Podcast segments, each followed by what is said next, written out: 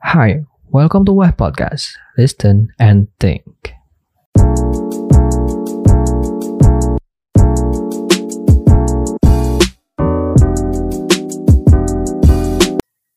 Yo, selamat datang eh, teman-teman, teman-teman lagi. Selamat datang kembali di di podcast Weh Podcast di mana tempat ini atau podcast ini tuh tempatnya berbagi perspektif dan proses di kehidupan es gila. Hush.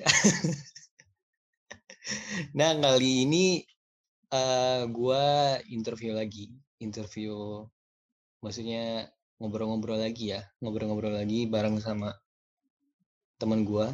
Nah teman gua ini gua agak gua agak perkenalkan sedikit background backgroundnya.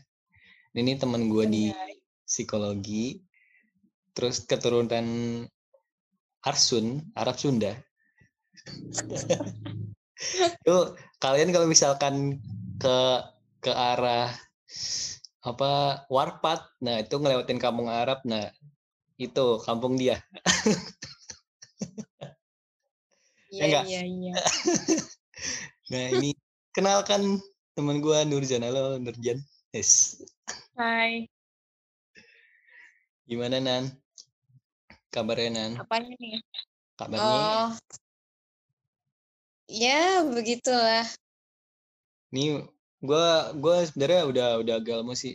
Maksudnya gak ketemu secara langsung ya. Eh, pernah gak sih kita pernah lah ya pas terakhir kemarin yang nongkrong bareng-bareng itu ya? Hmm, kayaknya sih ya itu terakhir kali. Abis Itu terakhir udah. kali. Gue belum ketemu belum ketemu teman-teman gue lagi sejak saat itu. Aduh.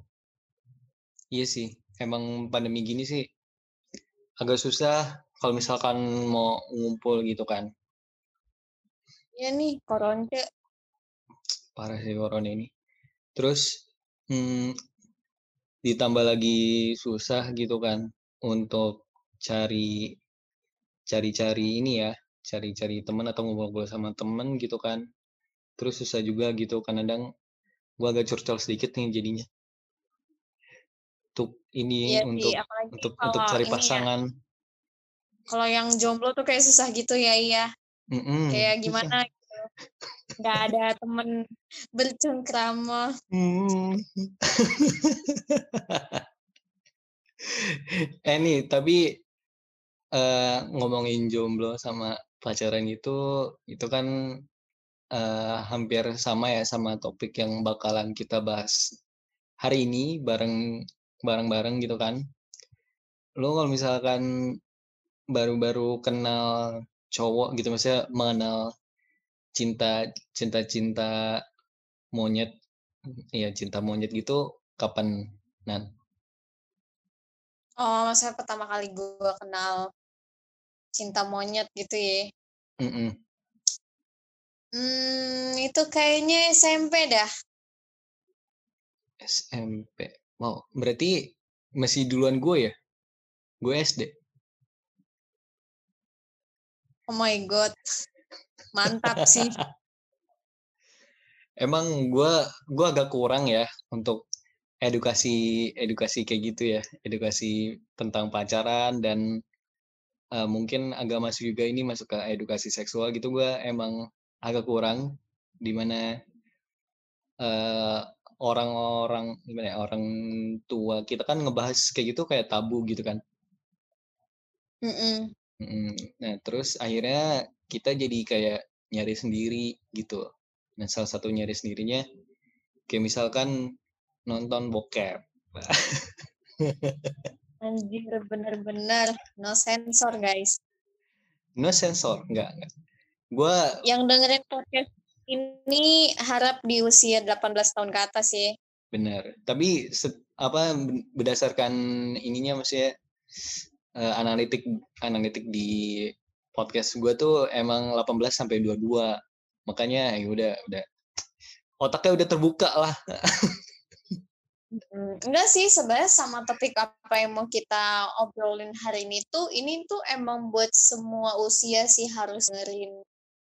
Hmm, benar sih emang harus sebenarnya semua usia dan kalau bisa yang kita sih yang udah muda nih harus melek gitu kan. Terus untuk masa depan juga buat ngedidik anak-anak asik. Wih, bahasanya udah anak-anak nih. Oh. Iya tapi balik lagi tentang edukasi edukasi kayak gitu edukasi seksual gitu tuh emang gue cukup kurang gitu kan di mana gue nonton bokep kelas 5 SD bareng teman-teman di warnet benar-benar jujur sekali Anda. gue gue masih inget ya teman-teman kejujuran Anda, Imam. Iya dong harus jujur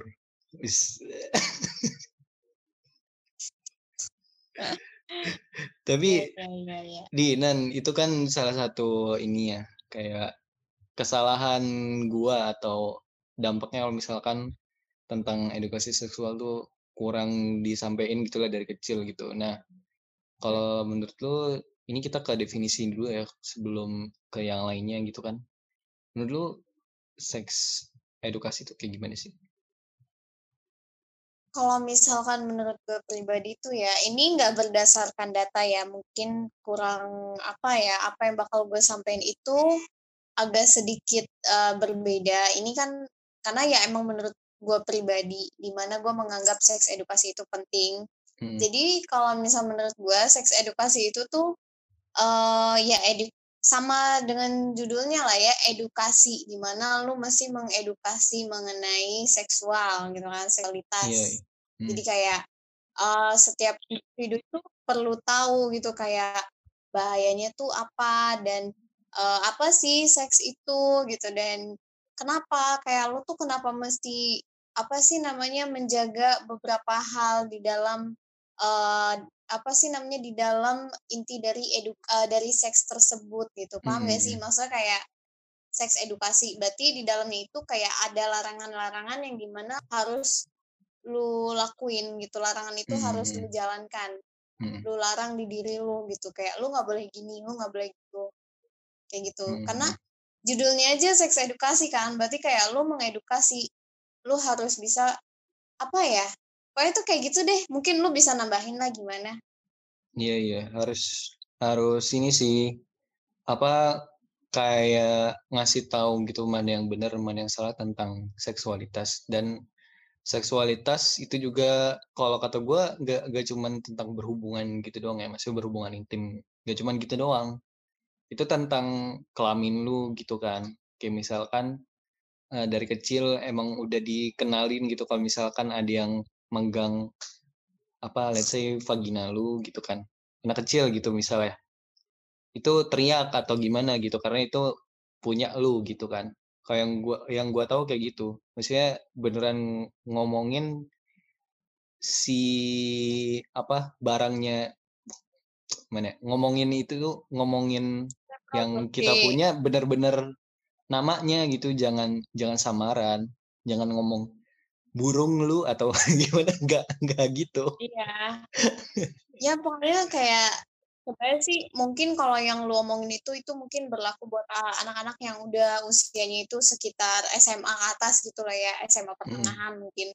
Cuman yang kenapa tadi gue sempet nyinggung kalau misalkan sex education itu harus ada di segala usia dan podcast lo ini tuh wajib banget didengerin sama semua usia dari yang Mantap. bocil sampai tante-tante dan om-om karena eh, kayak seks edukasi aja itu kalau lu tahu itu kalian tahu ya itu bisa dimulai sejak usia dari tiga tahun Hmm, mungkin hmm. agak aneh ya kayak pasti buat yang nggak tahu nih kita kan sebagai anak psikologi paham lah ya cuman orang lain mungkin bakal kayak iya. Ah masa sih? Ya ampun kan masih kecil gitu. Masa sih lu masih ngedukasi dia soal seksual gitu kan seks. Hmm, hmm. tapi itu salah karena gini di usia tahun di mana anak itu mulai paham gitu kayak dia mulai ngerti eh, kelamin lo tuh namanya apa gitu kan. Iya iya. Terus lo punya apa di badan lu gitu Hmm. kan. Fungsi Hmm. mulut tuh apa gitu.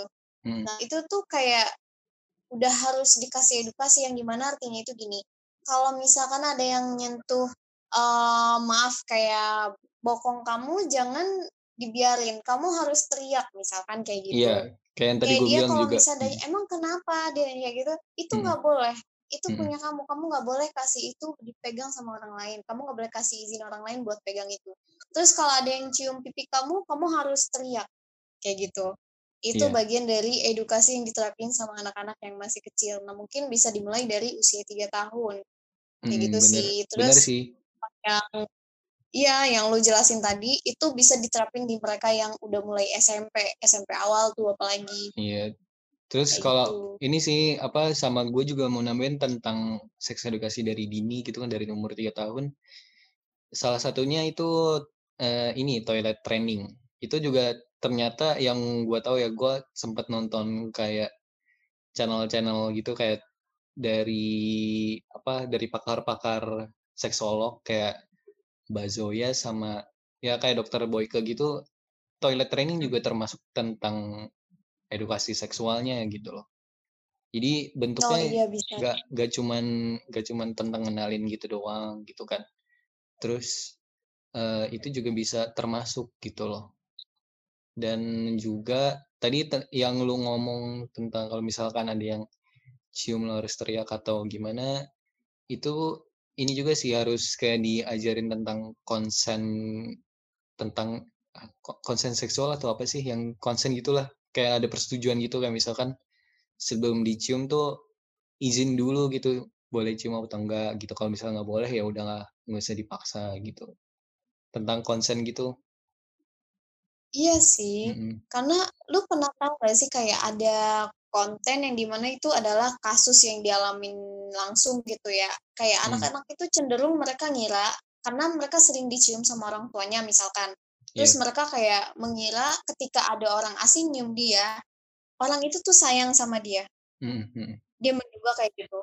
mm-mm. dan mungkin dia masih kecil dan dia ngalamin yang namanya kayak anak kecil kan belum bisa istilahnya tuh kayak cebok atau gimana. Terus ketika ada orang asing melakukan hal itu dengan arti eh, dengan kata lain menyentuh gitu ya, dia memahaminya itu kayak oh dia sama nih kayak kayak mama gitu kan, kayak Iya, mami iya. gua atau mama gua, ibu gua Nah, gitu. uh. Dia menyentuh gitu-gitu. Yang Hmm. di mana tuh sebenarnya nggak kayak gitu. Nah itulah yang harus kita edukasi. Jadi kayak jangan sampai orang asing tuh ada yang berani kayak gitu. Iya iya itu. Bahkan kayak anak perempuan Hmm? pasti dikasih pemahaman sama ibunya kayak uh, kalau dia usianya udah uh, berapa tahun dia pasti dikasih jarak antara dia sebagai anak perempuan dan uh, ayah dia gitu kan yang di mana itu Iya adalah laki-laki even Benar, itu adalah ayahnya Bapaknya, juga pasti dikasih tahu kayak uh, iya jangan ini Hmm. ya jangan gini ya gitu Hmm. cuman mamah aja yang boleh cuman Hmm. ini aja yang boleh Hmm. gitu Mm-mm, Iya sih bener sih. Iya tentang ya pokoknya tentang tentang kayak gitu sih.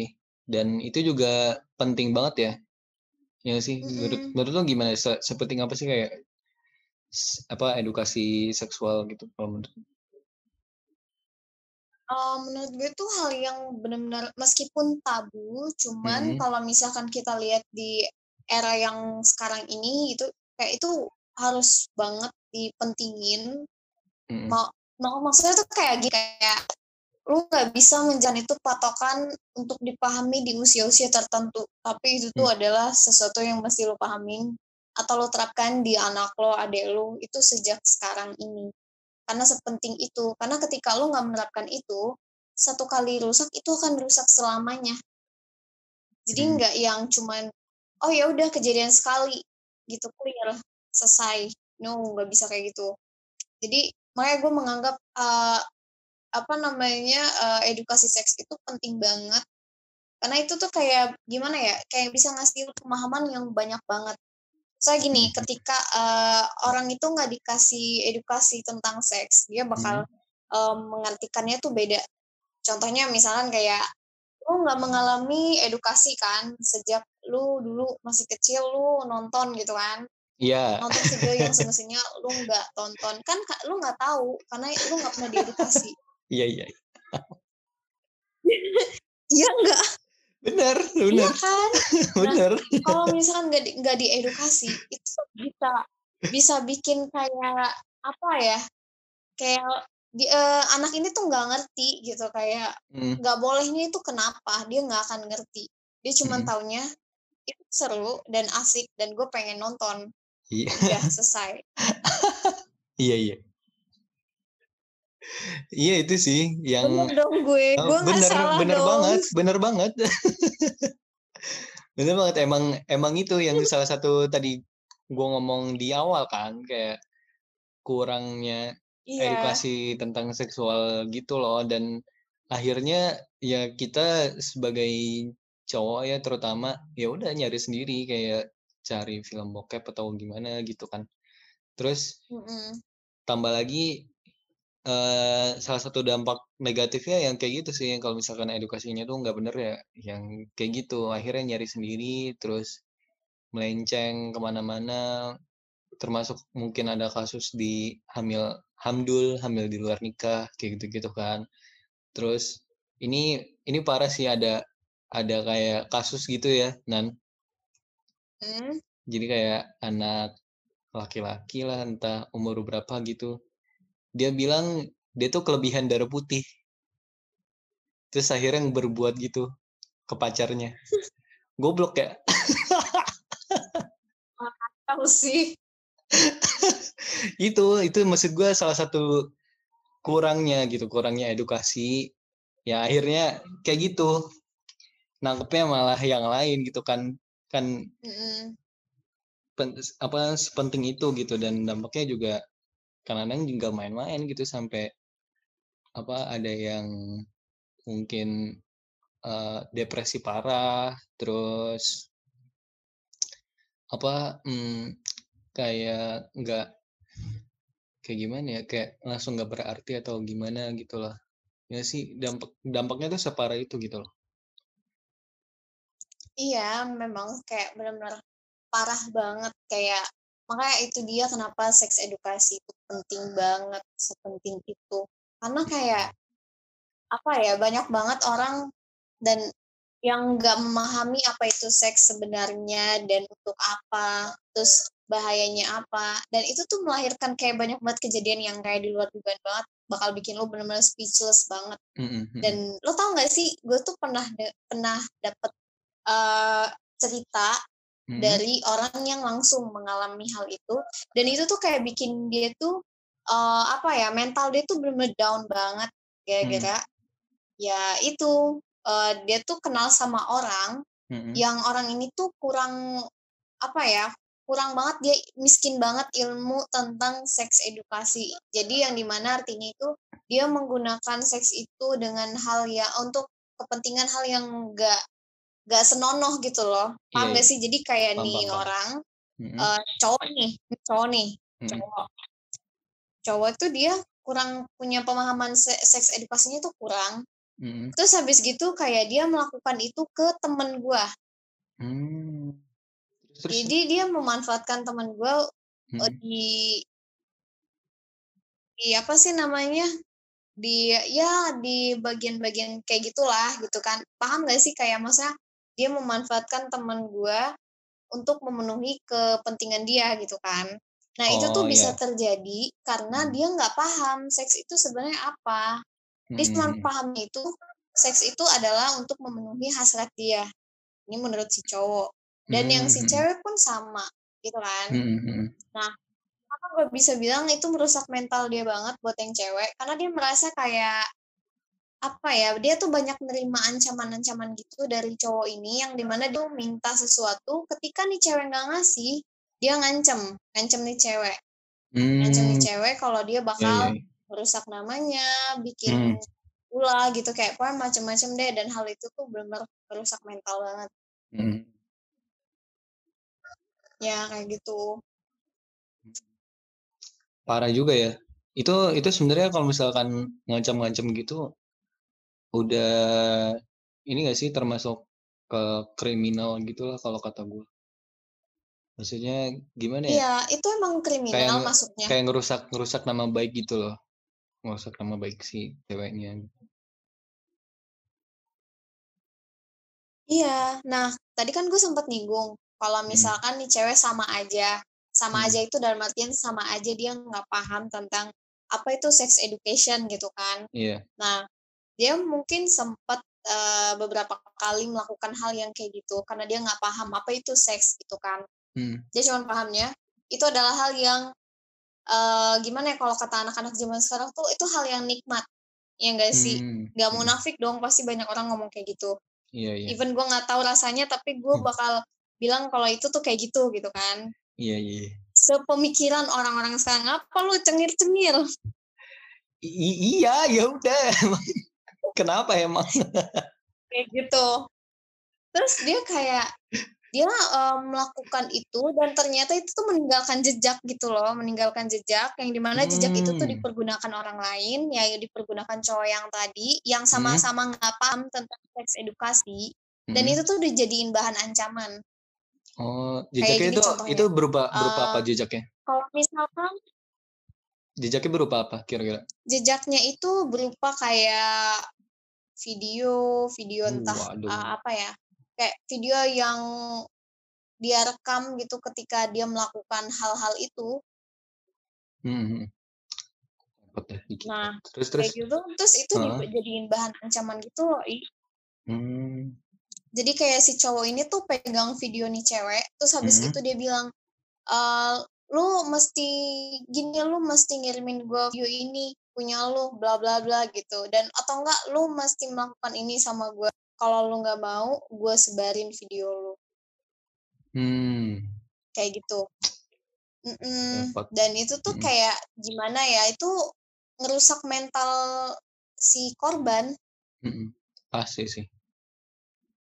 Mm-mm. Ya gue tahu maksudnya ini kesalahannya itu tetap aja tadi kurangnya edukasi seks. Jadi Mm-mm. dia nggak paham ketika Mm-mm. dia melakukan apa efek yang bakal dia dapetin. Mm-mm. Sebab akibatnya itu apa gitu kan. Kayak gitu. Jadi di sini tuh sebenarnya gini guys, kita tuh ngomongin tentang seks edukasi dan juga kita ngomongin tentang kesehatan mental juga. Seberapa Mm-mm. penting kesehatan mental. Ya enggak sih? Iya karena dua itu tuh cukup bukan cukup sih emang sangat berhubungan gitu apalagi yang kena korban-korban gitu kor- korban pelecehan atau enggak korban pemerkosaan gitu kan. Itu langsung ini loh ngaruh ngaruh ke apa ke mentalnya dia. Dan kalau misalkan ini gua agak agak tarik agak lebih jauh lagi. Di mana kalau misalkan eh, apa korban kayak korban pemerkosaan gitu dia tuh di diperkosa gitu diem itu bukan dia karena menikmati. Ini mohon maaf nih karena emang banyak banget orang yang kadang tuh salah sangka ah lu kenapa nggak ngelawan? dan lain-lain. Itu bukan dia tuh bukan nikmatin atau gimana gitu tapi emang ada di satu gimana ya sel otak gitu sel membrane gitu yang ngebuat tuh kayak nge-freeze gitu. Karena saking uh, peristiwanya itu sedepresif itu kayak se se ekstrim gitu langsung kayak nge- nge-freeze gak tau mau gimana gitu kayak gitu. Dan ini ini yang yang harus diomongin banget gitu loh yang harus kita share gitu yang perbincangan kayak gini yang isu-isu kayak gini emang harus di diangkat lah dan apa eh, kasusnya itu juga bukan cuman tentang pemerkosaan atau gimana bahkan di tempat umum misalkan gitu kan. Ada mungkin lagi gempet-gempetan gitu kan sengaja gitu kayak gesek-gesekin sikutnya atau gesek-gesekin itulah kemaluannya gitu kan gempet-gempetan bisa kayak gitu kasusnya dan emang pelecehan dan apa edukasi seksual tuh penting gitu sih parah sih dampaknya parah juga gitu Iya, cuman kasus yang gue temuin tuh kebanyakan kayak gitu, i. Jadi gue Hmm. gue nggak habis pikir gitu ya. Gue tuh kayak benar-benar sampai speechless banget karena kayak kok bisa gitu loh. Dan lucunya itu di sini gue tuh nggak bisa menyalahkan pihak mana pun.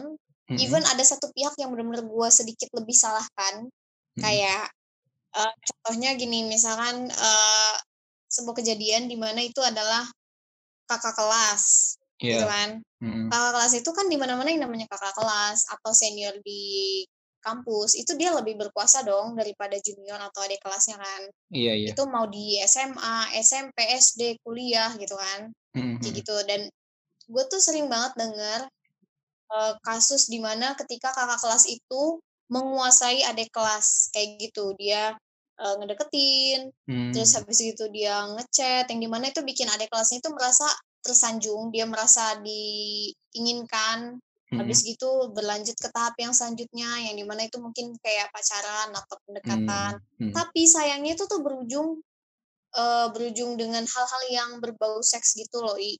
Dan dia tuh kayak Hmm. selalu diancam kayak misalkan lu harus melakukan ini, lu harus melakukan ini gitu. Hmm. Ya gimana ya kalau misalkan yang jadi korbannya itu kebetulan polos gitu ya. Iya, iya. Terus dia melakukan gitu, dia melakukan dan itu ternyata dia dituntut untuk melakukan lagi kedua, ketiga, keempat kali. Kalau nggak Hmm, mau parah, parah. melakukan, Hmm, maka hmm. maka yang pertama kali dia lakukan itu akan disebarluaskan Hmm, hmm. kayak gitu. Terus kayak itu tuh bikin mental adik kelas ini tuh kacau banget gitu loh, ih kayak Pasti, dia benar-benar pasti. trauma banget, dia Hmm. takut, dia Hmm. apa gitu. It- bisa loh, bisa banget sampai bikin dia kayak ya udah gue mau bunuh diri aja, gue nggak Uh. bisa kayak gini, gue diancam terus, gue malu kalau aib gue kesebar Iya, iya. kayak gitu. Itu itu pasti Mungkin sih. ada Pasti ada kayak gitu sih.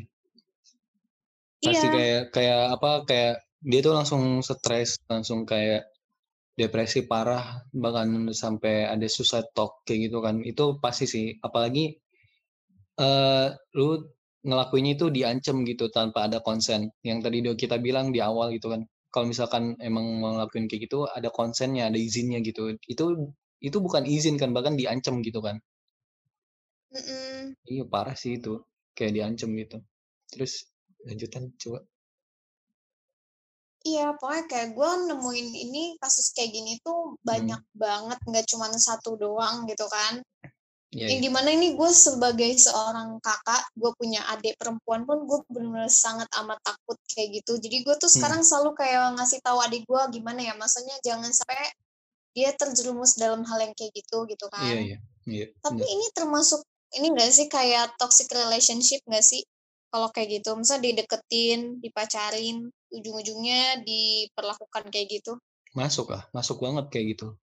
Kan toxic relationship banget itu ya. kayak iya kayak emang kayak kayak gitu. Dan di salah satu episode beberapa yang lalu gitu ya yang gue sempat bahas sama temen gue si Syakira emang si toxic relationship itu sifatnya ya kayak menguasai gitu.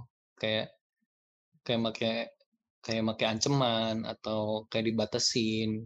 Kayak gitu emang itu masuk banget sama toxic relationship gitu Nah, iya jadi kayak makanya eh, apa sih namanya education itu penting banget karena ketika lo nggak bisa bener, bener. mengedukasi diri lu sendiri atau lo nggak bisa memberi arahan buat orang lain, itu ternyata bisa menyebar luas ya. Kayak untuk remaja mungkin dia bisa masuk dalam toxic relationship, dia bisa Hmm, hmm. merusak kesehatan mentalnya dia. Ya Hmm. nggak sih banyak banget deh. bener-bener That's why gitu relationship itu important banget. Mm-mm, bener sih. Terus eh sama ini sih apa harus gimana ya lebih digaungin lagi tentang pergerakan sex educationnya gitu karena di Indonesia masih dianggap tabu banget gitu loh. Padahal ini salah satu yang harus diomongin gitu ya biar gak terjadi kayak pelecehan seksual lagi atau hamil apa hamil di luar nikah atau mungkin melakukan seks di luar nikah atau gimana ya karena dengan adanya edukasi seksual yang benar gitu kalau menurut gue ya bakal mengurang gitu bahkan mungkin bisa aja nggak ada. Karena karena kita udah sama-sama tahu gitu kan gimana gimana tentang konsen gimana tentang kepemilikan barang lo atau gimana gitu. Kalau kata gue sih gitu sih. Iya, nah ngomongin soal kejadiannya nih di Mm, yang lu tangkap itu kan bukan tangkap maksudnya yang lu tahu itu kan kebanyakan terjadi di negara-negara terbuka kan mm, di Indonesia terutama gitu kan. Tapi lu bisa percaya nggak sih kalau misalkan itu tuh terjadi juga loh di negara-negara yang di mana orang lain tahunya itu adalah negara eh, hukum yang benar-benar apa ya istilahnya tuh benar-benar tertata rapi dan itu penuh dengan aturan. Kayak mm. contohnya gini kayak gue kan berasal dari Saudi kan dari nah lu Iya, iya. percaya nggak sih di sana tuh banyak loh kejadian yang kayak gini tapi sayangnya tuh nggak dipublish Hmm. gimana ya? Waduh. Itu ini sih cukup ngeplot twist ini sih pemikiran gue sih. Nah, di sana tuh banyak banget kasusnya i kayak Hmm. warga negara Indonesia yang mengalami hal serupa, yang Hmm. di mana mereka tuh dilecehkan di sana. Tapi Waduh. mereka nggak bisa speak up. That's Iya. why gue sekarang pengen speak up gitu kan. Iya, Gue iya. berharap sangat amat berharap gue buat eh apa sih namanya warga yang ada di Saudi Arabia gitu kan, entah itu iya. di Jeddah, di Makkah, pokoknya di mana itu ada orang-orang yang WNI gitu kan, entah dia pelaku Hmm. atau dia korban. Gue sangat amat berharap gitu mereka tuh bisa ngedengerin obrolan kita hari ini. Iya, iya benar Karena sih. emang banyak banget i itu eh, si korban dan si pelaku itu berasal dari sana. Hmm. hmm, hmm. Aduh. Repot ya. Jadi kayak jangan dikira iya, Hmm. jangan dikira kalau di sana tuh benar-benar kayak nggak ada sesuatu yang kayak gini. No, itu salah banget. Hmm. Dan ini juga gimana maksudnya kita bukan generalisasi juga ya maksudnya kayak bukan samain rata atau gimana dan emang ada pasti selalu ada sih kayak misalkan eh, kayak oknum-oknum gitulah istilahnya ya oknum-oknum kayak gitu pasti selalu ada kayak gitu sih. Iya, maksudnya gue ngasih tahu gini tuh bukan menyebarluaskan daerah-daerah yang nggak benar, cuman gue meng, Mm-mm. apa memberitahu gitu kalau misalkan kita apa pentingnya sex education itu nggak harus di daerah-daerah tertentu, tapi daerah-daerah yang nggak kita duga pun itu sangat amat butuh gitu loh, kayak Mm-mm. gitu. Bener Belum sih. lagi gini loh, kayak nggak semua nggak semua sekolahan ya, nggak semua sekolah itu menerapkan sistem di mana kayak semua guru itu bisa merangkul loh, bisa merangkul siswanya. Ada Mm-mm. loh sekolahan itu yang ketika dia uh, menghadapi siswa yang bermasalah kayak gini, siswa ini tuh malah dipojokin. Hmm, malah diserang Jadi lagi dia gimana ya? Mungkin itu kali ya gunanya Mm-mm. orang-orang lulusan psikologi itu harus ada di sekolahan, Hmm, ya enggak sih? bener-bener bener sih. Karena ternyata sampai detik ini masih banyak banget guru di sekolahan tuh nggak peduli sama mental-mental anak-anak yang ngalamin hal-hal yang udah kita ceritain tadi. Hmm, hmm. Iya sih itu sih. Dan apa kalau ngomongin kayak gini berarti udah udah mulai masuk ke edukasi tentang kesehatan mental juga gitu kan tentang psikologis gitu emang. Sekarang sih udah Ya. udah mulai ya udah mulai kayak kelihatan. Tapi kalau menurut gua itu cuman di beberapa lini doang. Gak, gak merata nggak sampai semuanya gitu. Karena emang masih ada yang berpikiran kalau misalkan lu depresi itu lu berarti kayak kurang ibadah gitu let's say. Dan gue gue bukan nyerang tentang kayak apa kurang ibadahnya itu ya bukan nyerang bukan nyerang kayak gitu tapi kalau tentang orang yang lagi depresi atau orang yang kena saya yang mengalami gangguan mental itu penyebab tuh banyak banget gitu dan obatnya juga banyak banget gak cuman tentang itu aja gitu tapi harus ada aspek-aspek yang lainnya juga yang harus diomongin kayak gitu sih Iya, bener banget. Bener banget, sumpah gue setuju banget. Eh, apa namanya, itu mungkin mitosnya ya, kayak, oh iya, Hmm. lu ini sih kurang ibadah, wah Iya, iman bener. lu nggak kuat nih, gini-gini, bla bla bla gitu, banyak banget. Itu Iya, itu mitos sih. sih menurut gue. Itu kan, itu Mm-mm. mitos zaman dulu banget, kayak orang-orang orang-orang orang tua tuh pasti kayak gitu ngomongnya. Nah, Mm.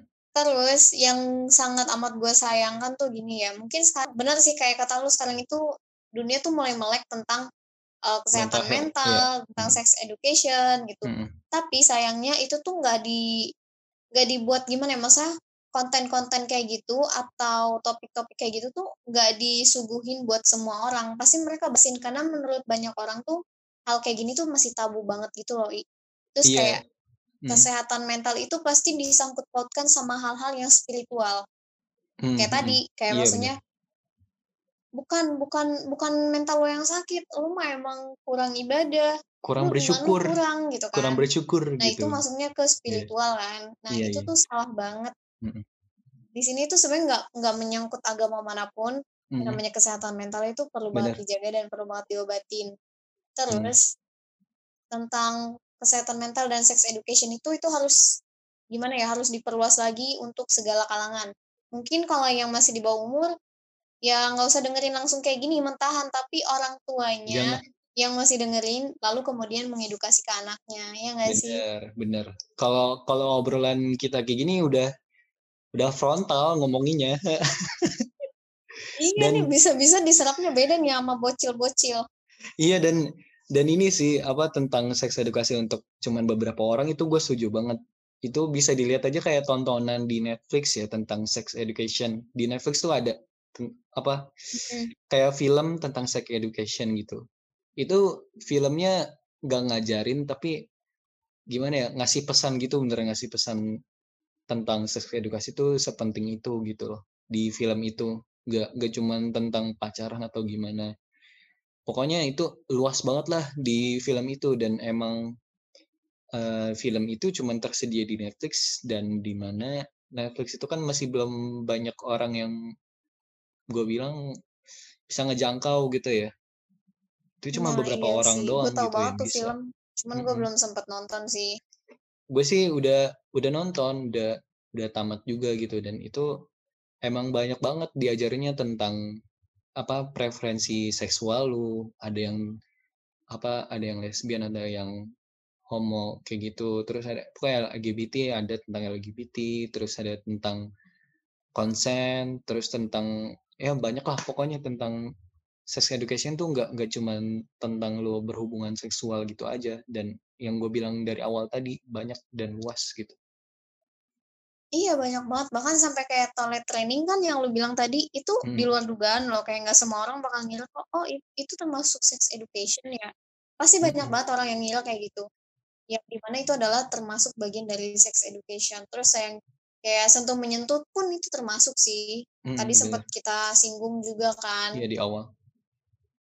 Nah sekarang gini caranya gimana sih kayak ketika lu menghadapi orang yang mengalami ini bagi masuknya ke bagian kesehatan mental ya. Iya iya. Ketika orang mengalami pelecehan kira-kira lu gimana nih? Lu gimana sebagai orang yang dengar uh, keluh kesah dari korban yang mengalami pelecehan lu bakal Hmm. kayak gimana? Gue mau tahu. Hmm, Oke, kalau dari gue sih, gue selalu selalu coba untuk dengerin apa pun yang orang lagi curhat ke gue karena orang yang curhat itu tuh perlu keberanian banget. Apa yang dicurhatin apalagi tentang pelecehan seksual gini kan. Itu kan benar-benar ini ya benar-benar kayak hal yang mungkin nggak nggak bisa dia share bahkan ke orang tuanya gitu kan ya kan sih? Itu itu kalau pernah gue pertama sih dengerin gitu. Dengerin terus tanpa ngejudge tanpa lu ngasih judging di situ kayak lu benerin deng- dengerin terus hmm, apa coba mengerti apa yang dia rasain gitu kan. Dan gue denger bis kalau misalkan bisa denger ceritanya sih eh ini sih pertama kayak ngomong terima kasih lu udah ngasih lu udah mau cerita ke gua karena gua tahu eh, apa yang lu ceritain ini nggak mudah gitu nggak mudah lu untuk ceritain gitu. Dan kalau gue sih abis itu mungkin nanya sih lu mau minta saran ke gua atau lu cuman mau cerita aja? Karena emang ada beberapa orang yang emang mau cerita aja gitu tanpa ada kasih saran. Dan kita sebagai orang yang udah dicurhatin harus hormatin itu kalau menurut gue kalau gue sih nah kayak iya gitu. bener banget tuh. Terus gini ya. Hmm. eh, apa namanya kayak kasus yang udah gue ceritain tadi Hmm? itu mungkin nanti lu bisa sedikit lampirin lah ya. Oh bukti iya. contoh apa yang telah dialamin mungkin ada korban yang bakal cerita langsung ya oh iya iya di bisa sih akhir nanti podcast kita eh, kali akhir ini nih. podcast ini ya akhir Nah, podcast ntar gitu sebelum gue masukin Hmm. sebelumnya itu gue mau ngasih tahu kayak gimana ya masih banyak juga loh ternyata i kayak orang yang nggak bisa menghargai apa yang udah dialamin orang lain nggak hargai itu gini eh jadi ada beberapa kasus yang dialamin sama korban yang di mana dia diancem dan dia Hmm. ngalamin pelecehan kemudian dia Hmm. nggak berani buat ngadu sama orang tuanya Hmm. Dia simpen sendiri. Karena gini ketika gue tanya ini kan kejadian udah udah lewat gue tanya sekarang kan. Kayak lu kenapa sih nggak nggak ngadu aja? Lu kenapa nggak bilang gue? Lu kenapa nggak bilang sama orang tua lu? Gitu kan.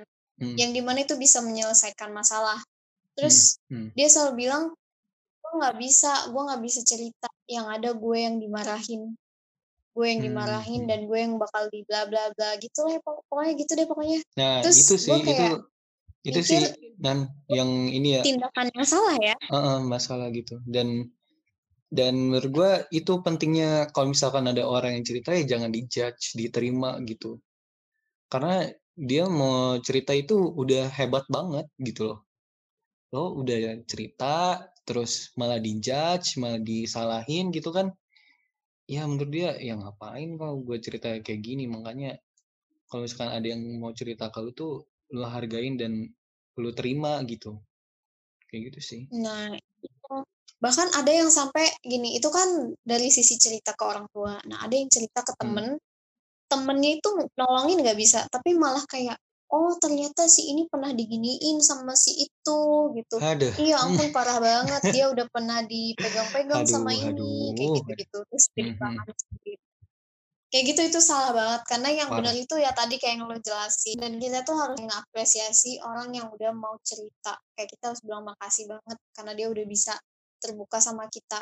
Mhm. Ya nggak sih? Iya itu sih. Itu gue makanya tadi pas awal kayak ada ya emang gimana ya kayaknya orang orang-orang tuh masih belum ngerti konsep kalau misalkan ada yang curhat ke dia tuh harus gimana gitu. Orang-orang kayak masih belum ngerti konsep tentang ngedengerin gitu. Kayak Iya, malah kayak malah jadinya orang ngejudge. korban itu tuh nggak nggak butuh. Heeh, dia tuh nggak butuh kayak lu buat menyelesaikan masalah dia, nggak sama sekali. Dia cuma butuh lu dengarkan dia, Mhm. lu rasain apa yang dia rasain, selesai gitu. Itu Mhm. membantu banget sih.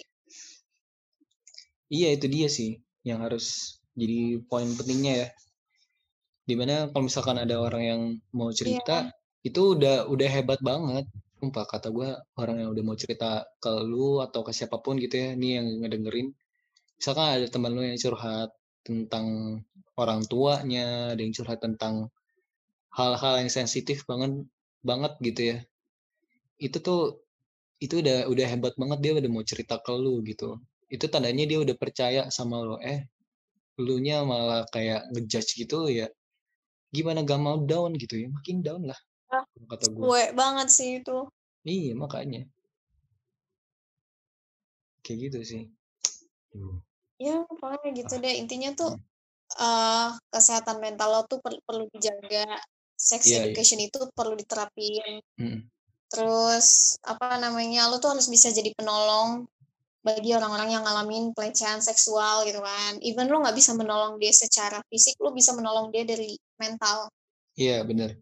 Lo bisa meringankan beban dia yang dialami tuh melalui mental dia gitu. Masa lo jangan sampai ngebiarin orang sekeliling lo atau siapa pun itu mentalnya rusak hanya dengan karena lo nggak mau dengerin dia gitu. Karena Hmm. lo dengerin dia aja itu udah penting banget sumpah. Jujur gue sebagai orang yang pernah ngalamin uh, toxic relationship selama empat Hmm. tahun, itu gue merasa seneng banget ketika ada orang yang mau dengerin gue. Even dia nggak bantuin gue, cuma dengerin aja dan dia menghargai gue, gue udah senang banget. Jadi gue tahu rasanya. Iya itu sih. Gue juga gue juga pernah pernah ngerasain juga dan Nurjan juga salah satunya yang gue curhatin mungkin ya dan Mhm. iya Iya gitu. itu itu gue juga gue juga senang banget gitu masih ada orang-orang yang mau ngedengerin gue tentang keluh kesah gue gitu-gitu loh. Dan kalau gue gimana? Gue pokoknya nekanin lagi lah gue udah ngomong berapa kali sih ini. Kalau misalkan ada yang mau curhat ke lu itu udah hebat banget. Lu terima aja, dengerin aja gitu loh. Walaupun lu nggak ngasih solusi gitu, ya nggak apa-apa. Mm-mm. Karena ya emang mungkin mau cerita aja gitu. Kalau kalau gue sih selalu coba nanya gitu sih. Lu mau dapet, lu mau mau gue kasih solusi nggak setelah dia cerita panjang gitu gue baca gue dengerin gue resapin gitu kan gue validasi tentang apa kayak rasanya dia apa yang dia rasain terus ya gue coba nanya kalau misalkan dia nggak mau nggak apa-apa itu juga udah ngebantu banget kalau misalkan lu ngedengerin doang Nah, ini dia. Itu yang harus orang-orang tahu.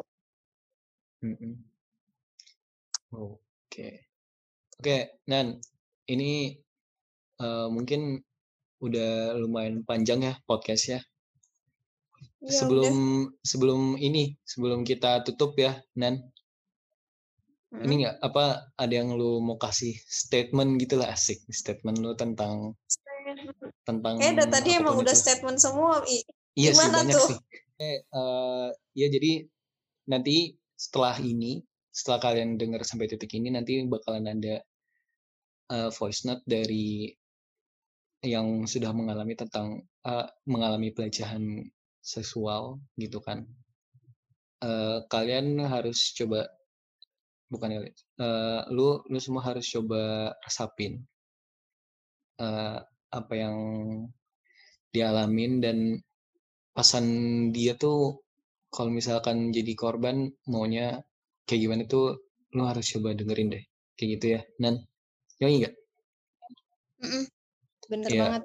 kayak ini dia eh, VN-nya ya awalnya aku kenal sama dia di chat ya biasa-biasa aja sih nggak ada kayak eh, tanda-tanda dia macem-macem gitu karena dia orangnya awalnya baik baik ya. Ya sewajarnya orang baik aja gitu. Orangnya nyambung diajak chat diajak ngobrol kayak gitu. Terus lama kelamaan dia kok sering minta telepon. Aku bilang dong aku nggak bisa nggak bisa telepon gitu. Katanya dia dia mau ngomong sesuatu lewat telepon. Aku tetap kekeh nggak mau kalau mau ngomong ya chat ya lewat chat aja gitu. Ya udah lewat chat kan terus lewat chat tiba-tiba dia bilang kayak "Eh, eh, aku boleh minta itu nggak eh, foto kamu gitu? Aku udah tahu loh foto sama video kamu yang dulu kayak gitu. Kalau emang kamu nggak mau ngasih ke aku aku bakalan nyebarin video kamu. Soalnya yang udah tahu video kamu juga bukan aku doang kok kayak gitu. Terus aku kaget dong hah kok dia punya video aku foto aku padahal itu kan udah kayak udah lama banget gitu lah yang emang cerita aku gimana ya cerita aku masih kecil masih yang bodoh-bodohnya dibodohin orang gitu kan. Terus aku tetap kekeh aku nggak mau nggak mau ngasih kayak gitu.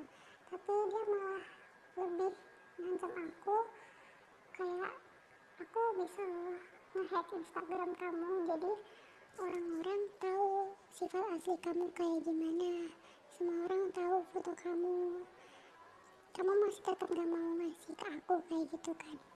Jadi di situ aku kayak eh, sedih gitu kan. Karena apa ya? Dulu tuh dari kejadian eh, pelecehan cowok ke aku aku ngerasa kayak aku stres gitu. Aku bingung mau ngomong ke siapa tapi aku diancam orang kayak gini aku harus gimana? Karena aku orangnya bener-bener panikan gitu kan. Aku panik kalau ada orang yang berusaha eh, berusaha ngejelekin nama aku gitu kan.